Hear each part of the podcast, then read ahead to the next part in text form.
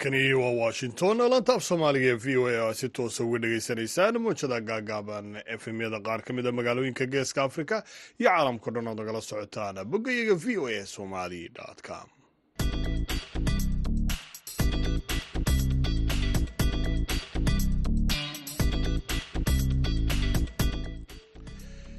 duur wanaagsan dhammaantiinma dhegaystayaal meel kastoo aad joogtaanba waa salaasa taarikhduna ay tahay lixda bisha februari ee sanadka laba kun iyo afar iyo labaatan haatan dhegaystayaal saacadda afrikada bari waxa ay tilmaamaysaa kowdiyo barhkii duhurnimo idaacaddana waxaa halkan idinkala socodsiin doona anigoo ah cabdixakiin maxamuud shirwac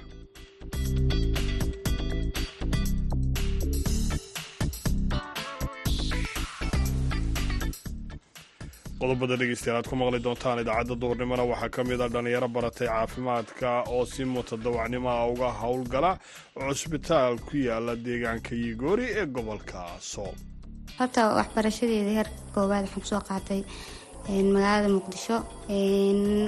Sidoo kaleeto jaamacaddan muqdisho ku soo dhameeyey jaamacadda jamhuuriya soo dhameeyey ugu dambeyn deegaanadii baan u soo noqonay oo deewaanigan cusbitaalka yigoori ka shaqeynayo caafimaadka shaqadiisa olaa iska dhib badan tahay. Laakiin aada ugu faraxsanahay inaad deegaankeenii iyo dadkeenii iyo dee dalkeenii intaan dib ugu soo laabanay aanu ku caawino bulshadeenii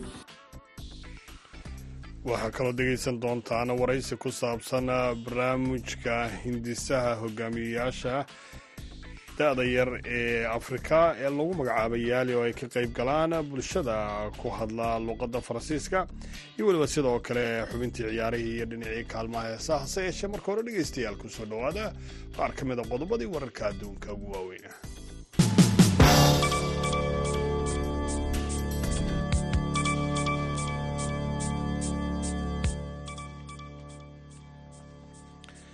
afhayeen u hadlay wasaaradda arrimaha dibadda maraykanka ayaa bayaan uu soo saaray ku sheegay in xogayaa arrimaha dibadda maraykanka antony blinkan iyo weliba dhexal sugaha sacuudiga amiir maxamed bin salmaan ay ka wada hadleen isniintii iskuduwidda arrimaha gobolka si loo soo afjaro dagaalka khasaa intii uu socday kulankooga oo qaatay in ka badana laba saacadood kaasi oo ka dhacay caasimadda sacuudiga ee riyaad labada dhinac ayaa ka wada hadlay muhiimadda ay leedahay in la daboolo baahiyaha bini aadamnimo ee qasa iyo weliba ka hortaga fiditaanka colaadda iyo sida oo kale baahida deg dega ah ee loo qabo yaraynta xiisadaha gobolka.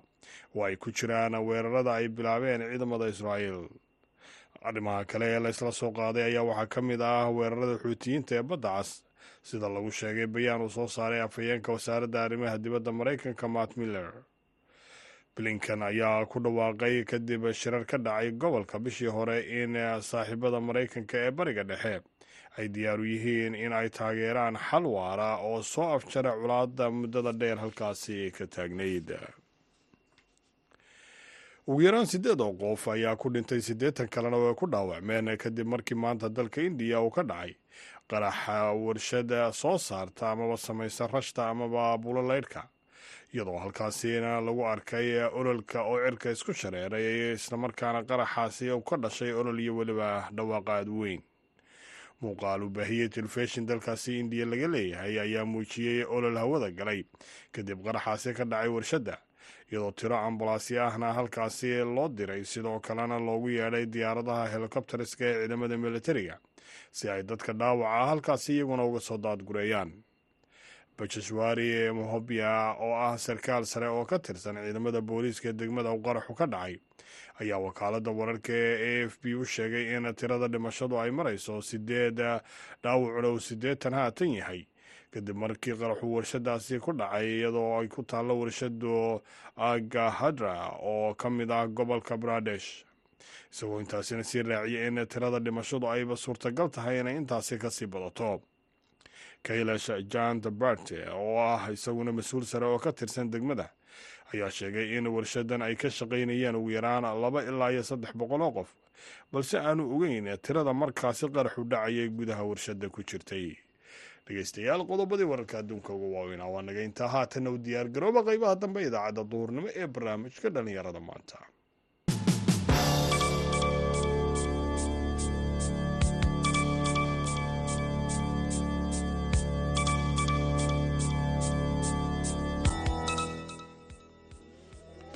mar kale ayaan dhammaantiinba idin leeyahay. Duhur wacna wanaagsan meel kastoo aad joogtaanba.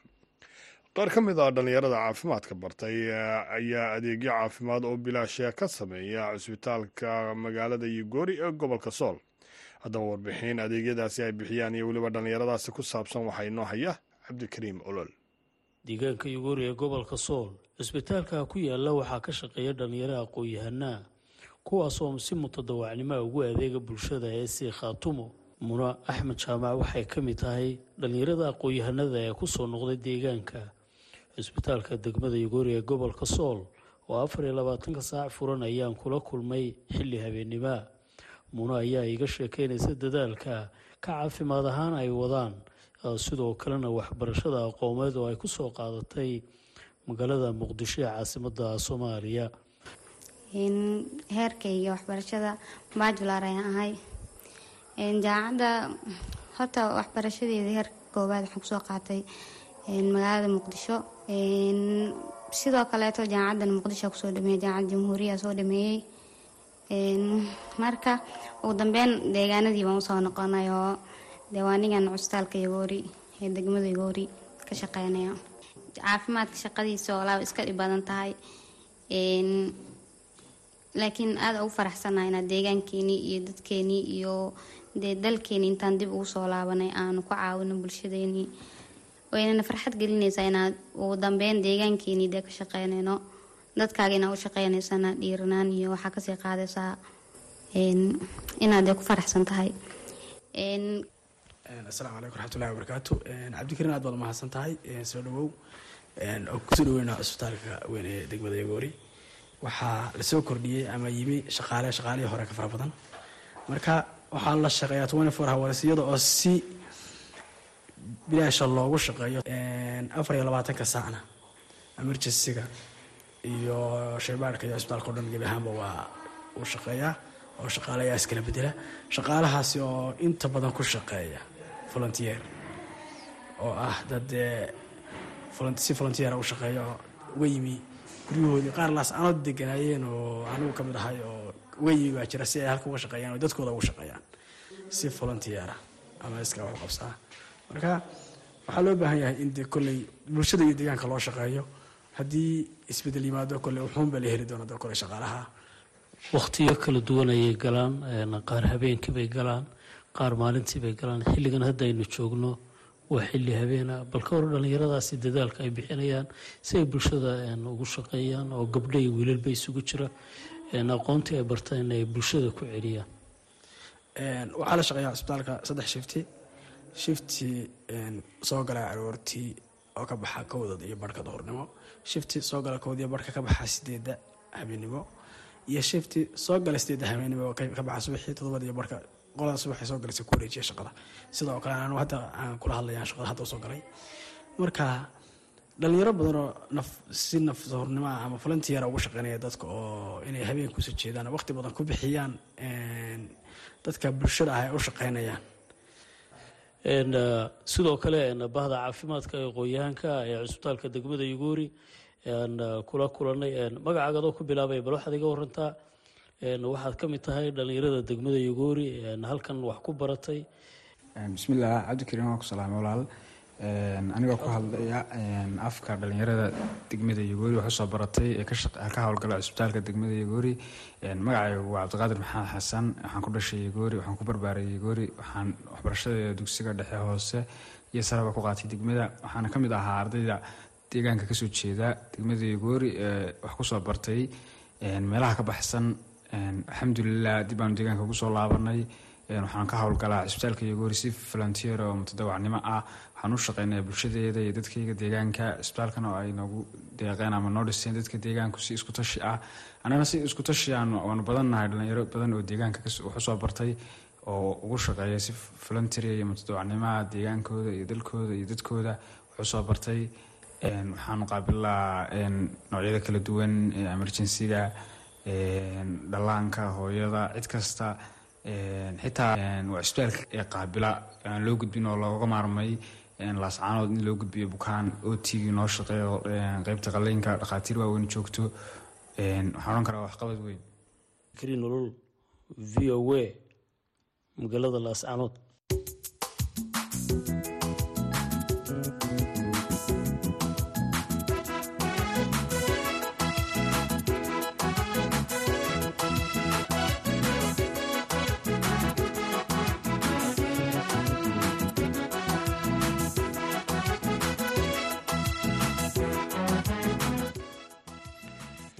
haatana jabuuti dhallinyaro ka socda dalalka ku hadla luqadda faransiiska oo waddanka jabuutina uu ka mid yahay ayaa ka faa'iidaysanaya barnaamijka hindisaha ee lagu diyaariyo hogaamiyaasha da'da yar ee afrika ee magaciisa la yidhaahdo yaali kaasoo dalka maraykanku inta badan u qabto.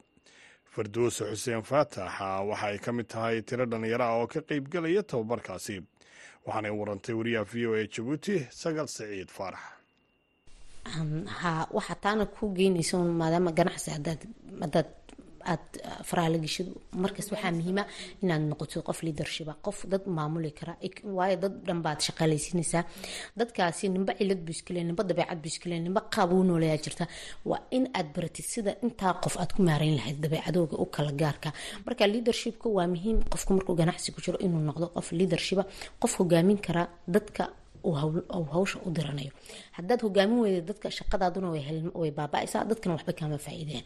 Marka iminka waxaan ku jiraan dhalinyarta geeska africa lepi francophone loo yaqaano ee west africa ka qaybgalaya ha barnaamijka yaali la yiraahdo oo ah in uu u tababaro dhalinyarta ganacsiga ku jirta leadershipka iyo entrepreneurga. Marka alxamdulilah inta badan wuxuu ka dhaca maraykan wuxuu leeyahay qeyb afrika dhexda lagu qabto. Ha yaaliga waxaa iska maalgelisa maraykanka iskale laakiin afrikada afkay ku kala hadlaan sida anglofonka iyo francofonka marka inta waxaa la isku ahaa west yaali ha marka waxaa tartanka ka qayb galaa kun qof ayaa dhigta laakiin boqol qof oo keliyata ayay kala soo baxaan. Marka wadan kastana shan qof oo keliyata ayay ka xushaan. Alxamdulilah ilahay fadligiisa maanta waxaan ka mid ahay shantaa qof. Hadda labadii toddobaad ee onlineka noo dhamaaday saddex toddobaadna halkaasaan tegaynaa insha allah senegal. Aan ku soo dhiganayna aqoon kororsiga leadershipka marka waa fursad qaaliya oo run ahaantii qofka la tababarayo siduu u noqon lahaa hogaamiye wanaagsan oo dadka maareeya oo madaragtay dadkana wax u taro ganacsigiisana korbay u qaadaysaa. Marka qofka leadershipka barto ganacsigaaguna meel sare ayuu tegayaa. Waayo waxaad baranaysaa cilada wax kastaba sidii loo maareyn lahaa ayaad baranaysaa. Marka dadkan kuu shaqaynayana markaad iyo fahantid waxay adiga ku asmaxaysaa inuu ganacsigaaga hore u socdo. Marka waxaad waxaa lagu barayaa qaabkii aad u dulqaadan lahayd sidii aad u lahayd dadka dabeecadahooga saad u baran lahayd sidii maskaxdaadu ay adoo halkan jooga meel kale uga shaqeyn lahayd. Sax. Wax kasta hadday tahay sidii aad lacag badan u sameyn lahayd sida dakhligii sannadkii hore aad samaysay in ka badan aad u sameyn lahayd sidii dadkii sannadkii hore aad kula shaqaynayay dad ka fiican aad u heli lahayd haba kuwa aad haysatidba aad u tarangelin lahayd oo aad training badan siin lahayd oo iyaga maskaxdooda dhan waayo dadkan waa dad kuusoo shaqa tegay iyagu shaqadoodii inay qabsadaan saacadooda markay dhamaato inay halkaa ka baxaan. Laakiin markaad tababartay aad leadership adigu aad tahay dadkan waxaad ku tababaraysaa meeshan inay meeshoodii tahay. Wixii faa'iide ka soo baxaan iyaga ay u biirayso ay u koronayso marka waxaa muhiima qofka leadershipka inuu isagoo markasta leadershipka wax dhamaada maaha maalinba waxbay sanadba waxbuu ku dhiibaya. Marka waa inaad isku daydid aqoontu waa muhiim. Wax dhammaadana maaha. Marka insha allah sanadkan intaan markaan qabno sanadadambana haddii ilahay noo idmo inaan leadershipka sii wadno. Horta leadershipka qofka ganacsiga kama maarmo. Waxaa la yirahdaa qofka markuu waxun hogaaminayo ama ganacsi ha ahaato ama nolol kale ama siyaasad waxyaaba ugu waaweyn ee looga baahan yahay waa dulqaadka. Ka waran haddaad hadda shirkadaada way yartahay aad rajeynaysa dulqaadkaaga wallaahi waxaa anu oran karaaba dulqaadka iyo samirka iyo adkeysiga ganacsigaan ku bartayba ganacsiga ayaan ku bartayba waayo markii hore qof waxaan iska aada u fudud qof waxaan ahaa dagaal badan qof waxaan ahaa dulqaadka ku yaray laakiin imika haddii adduunka mashaakilkiisa oo dhan dusheeda la keeno waxaan isku dayaa saan u maareyn lahaa. Wixii dhacay u dhacay wixii hadhay sidee loo qabtaa? Dadkana waxaan isku dayaa maadaama aad tahay qof dadka u adeegaya qof kaste nuuc kastaa ku soo maray. Dadku waa cajiib ilaahay baa abuuray sibuu u abuuray sibuu u dhigay. Marka adigu laguma baa inaad fahantid ha isku dayin. Dantaada saad u fahmi lahayd qofkan uga dhaadhicin lahayd waa inaad fahantid oo keliyata haddaad wax iibinaysa saad uga iibin lahayd ujeedkiisa waa inaad qabatid. Waxba kaama gelin hadduu dabeecad xun yahay waxba kaama gelin hadduu darir badan yahay. Just only adigu waxaanaad haysid qofka mukaa gadanaya. Saad uga iibin lahayd hawsheed waa inaad geshid. Dadka aad isla shaqaynaysin aba partnershipka ee naga dhexaysana waa inaad muhiim ilaalisid xiriirka naga dhexeeya hal shay oo keliya taa kaana aad ku ilaalin kartaa waa inaad noqotid qof go'aan leh iyo qof run sheegaya oo aamina dadkana waad wala shaqayn kartiin. Dadkuna way ku aamini karaan. Leadership partnershipkiinuna aada buu u wanaagsanaanaya. Waa muhiim inuu qofku ujeedada ujeedadiisa inuu wato dantiisa inuu eegto qofkanna uu dhowro dulqaadkuna waa muhiim. Gabar markay shaqooyinka noocan oo kale qabanayso imise caqabad kala soo kulanta wallaahi daa horta wax dumar ahaan ma oran karo ma jiro oo waxaan anigu magaaladeeda aan inkasta berigii hore wixii la aaminsanaa hadda la aaminsanayn oo gabdhaha wax laga sugayo oo iyaka loo fadhiyo oo la leeyahay gabadh ninkii haysta uu liibaanay oo lagu tashanayo. Horta taasi waa laga soo gudbay. Laakiin waxaa jirta mid ah maxaad isku waalisaa gabadh baa tahay reer baad u socotaa bareer baad ku jirtaa waxaan waa waqtigii kaa luminaysa marka waa waxaasina waxaan oran karaa un negativity. Dadku ay aaminsan qaarkood weliba intoo badan maaha. Laakiin soomaalidu hore u meel meel wacada meeli ka madow. Marka waxaan ay lahayeen aniga iguma socoto. Dadka hore marayna ee dadaalina kumaba socotaba. Hawshayadaa baan qabsanaynaa maadaama aad waxaad haysid ilaahay raali ka yahay dadka waxba kaama gelin. Inaad haa inaad hore iskaga socoto waxaagan aad qabsatid. Qof dhalinyaraha oo maalintii bilaa shaqada aad ahayd oo kale ama buuq ku haysta oo kale aad hawshan bilaabin. Hadda maanta ku jira oo fakradna haysa maxaa kula talin lahay anigu wallaahi waxaan kula talin lahaa dhalinyarada haba qof gurigiis ka jooga oo maanta wax camala uunan hayn oo isla laakiinse meel wax ka rajeynaya inuu ka helo. Intaad meel dheer wax ka eegeysid adiga ayaa wax badan hayoo ku dul fadhiya ka kaco adiguna wax isku tar. Inta kugu meersan iyo inta asaagaagana wax u tar. Intaad ka dhalatay inta wadankaad ku nooshahayna faa-iido badan u qaban kartaa. Just only waxa weyn qofku inuu is aamino waxaa nagu jira karti. Qof kasta ilaahay waxbuu ku abuuray dhinac buu ku fiican yahay. Marka qofna qof wixiisa looguma darin dadka marka dhalinyarada markasta dhalinyarada waxay ka cawadaa ganacsi haddaan lacag haysan ma bilaabi karo. Waa qabada u weyn horta aniga dhan aana aaminsanaa markaan wax bilaabi. Laakiin anigu maalintan ganacsigan bilaabayay toban jabuutiya accountkayga kuma jirin waxaan ku ogaana ma jirin. Meelna maxay ahayd maamada haa ceelna ima qodnayn. Laakiin waxaan aaminsanaa oon kalsooni ku qabay in maalin maanta ahayn meesha aan doonayo inaan gaadhay. Marka lacag la'aantu aba aragtay dhibaatadu waa wax dhammaada lacag la'aantuna waa wax laga baxo. Laakiin waxaa muhiima qofku isagu siduu isku aamini karaa waayo hadaad aduu is aamini weydin dadka waxa maanta taasi hortaala waxa weeyaan awooddii ilaahay siiyey ayay inkirayaan maba qaban kartid. Bes waxay sugayaan inay qof u ay bishaaro ka qaataan. Laakiin hadday ogaan lahaayeen awoodda ku jirta. Run ahaantii iyakuna intay wax qabsadaan ayay dadka u dhowna wax u tiri lahaayeen. Marka insha alla waxaan ku waaninayaa markastana ka yirahdaa wax bilow meel unka bilow meel baad ku fiican tahay. Qof baa cunto karista ku fiican qof baa dhartolitaanka ku fiican qof baa ku fiican leadershipka qof baa ku fiican teknolojiyad qofba dhinac buu ku fiican qofba waxbuu bartay. Marka qof kastoo aqoontii aad bartay iyo wixii ilaahay kugu dhex abuuray isku dar dadkana wax u tar adiguna naftaada wax u tar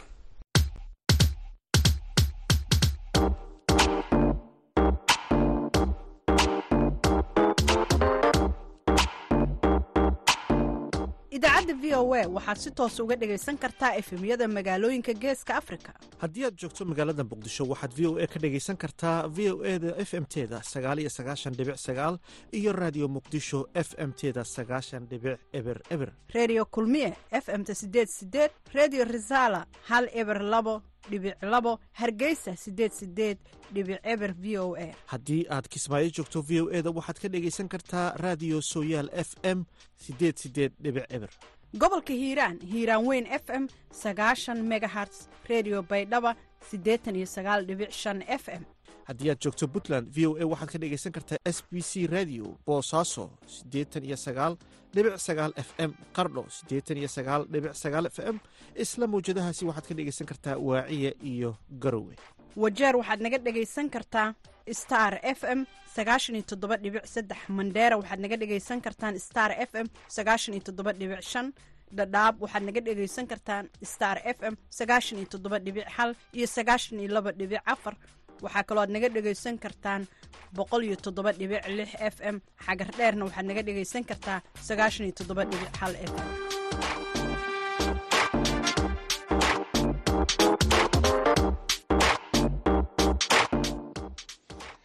Halka weli aad nagala socotaana waa idaacadda duhurnimo ee barnaamijka dhallinyarada maanta.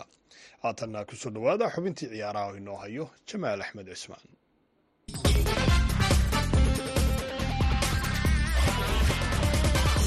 kulanti wanaagsan dhegaystayaal ku soo dhowaada xubinta cayaaraha. Waxaa si habsame leh u soconaya koobka kubadda cagta ee qaramada qaaradda afrika oo samafinalihiisa hadda la soo gaaray. Maalinta beritaa kulamo xiise badan ayaa dhici doona oo samafinalaha waxaa iska hor imaan doona nigeria oo iyadoo la ciyaari doonta xulka south africa waxaa sidoo kale isla beritrole la ciyaari doonaa ivory iyo jamhuuriyadda dimuqraadiga ee congo iyadoo labada kooxood ee halkaas ka soo baxdana ay faynalaha dheeli doonaan. Koobkana markaasi la soo gabagabayn doono. Faynalaha ayaa la ciyaari doonaa kow iyo tobanka bisha aynu ku guda jirno ee february. Nigeria waxa ay la soo ciyaartay kulankii ugu dambeeyey. Xulka angolo oo gool waxba ay kaga soo awoodroonaatay halka south africana cape divoir kaga soo awoodroonaatay rigorooyin ivory coast ayaa iyadu waxa ay maali kaga soo awoodroonaatay laba gooli gool halka jamhuuriyadda dimuqraadiga ee congo ay ka soo awoodroonaatay xulka guinea. Saddex gooli gool sidaasina ay samfaynala u soo gudubtay. La arki doonee waddanka ku guulaysta koobka kubadda cagta ee qaramada qaaradda africa oo samfaynalihiisu beri la ciyaari doono.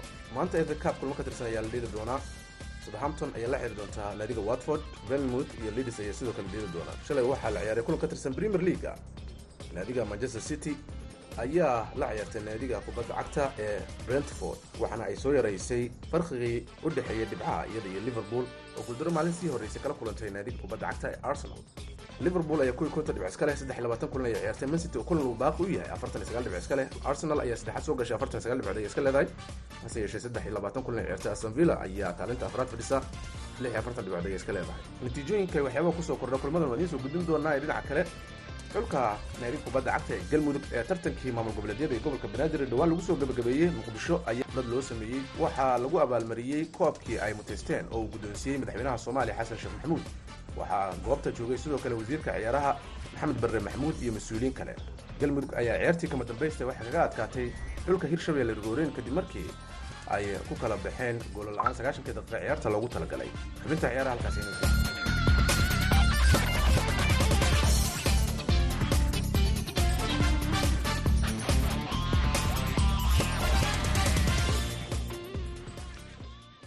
xubintaasi ciyaarahana waxaa dhegeystayaal inala socodsiinaya jamaal axmed cismaan gabagabada idaacadda ayaynu haatan aynu maraynaaye aynu jaleecno dhinacii kaalmaha heesaha.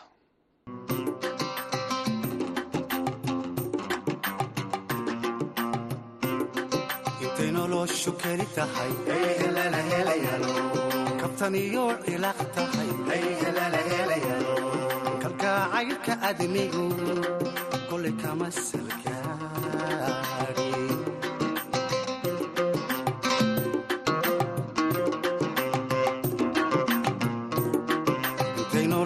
keli tahay kabtan iyo cilaaq tahay kalgacaylka adnigu kolay kama salgaari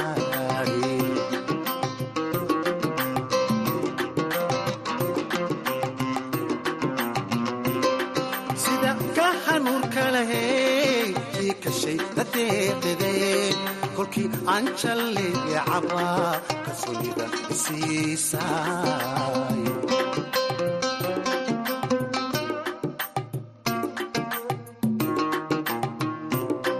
Sida ka hanuurka lahey kii kashay dadeeqide kolkii aan jalleecaba kalsoonida isiisay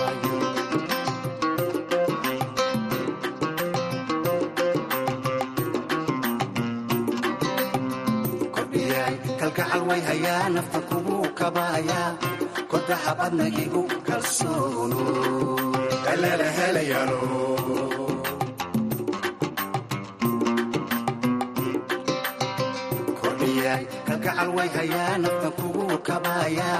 kordaxabadna igu kalsoono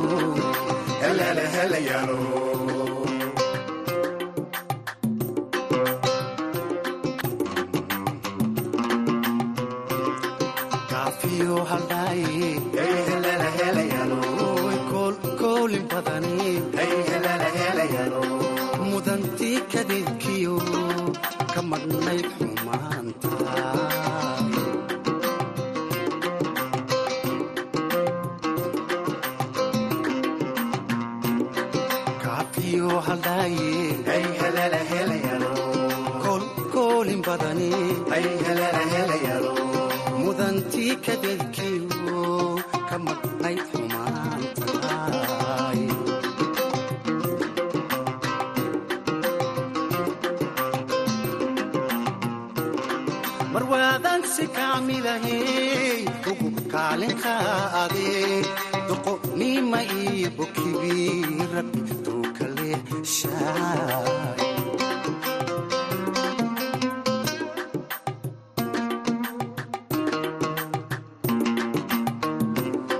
marwaadan si kaamilahey ugu kaalinka adee doqonnima iyo bokibi rabbi tuu kale shaay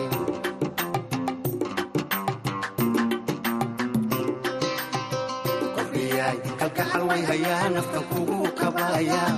Kordaxabadna igu kalsoono heleele helayaalo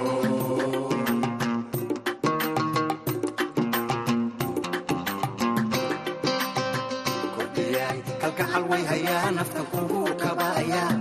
Kordaxabadna igu kalsoono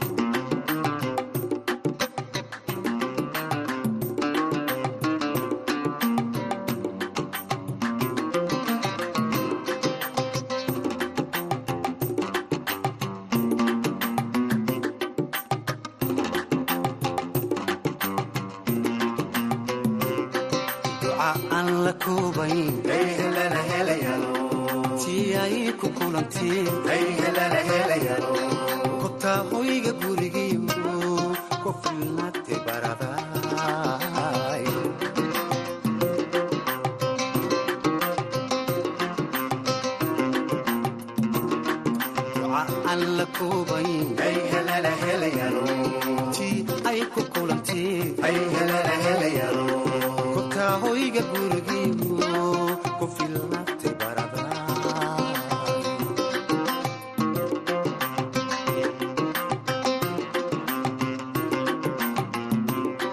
miyirkiyo karaamadu tay ku kaysanay idee igu kabtay noloshee igu korisaay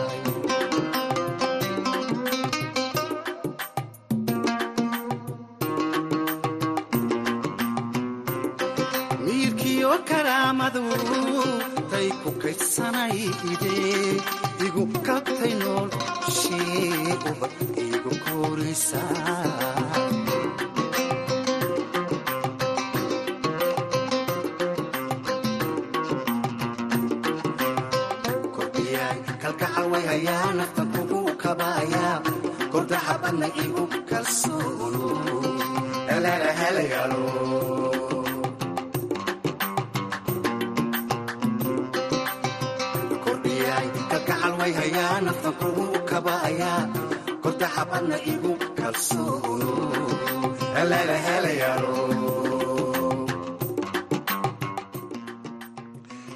dhegeystayaal heestaa socodkiisa inuu soo gaarsiinayay cabdiqaadir macalin cumar jubba ayaana ugu dambeysay idaacaddii duhurnimo ee barnaamijka dhallinyarada maanta tan iyo kulanti dambe waxaan idin leeyahay sidaa nabadgelyo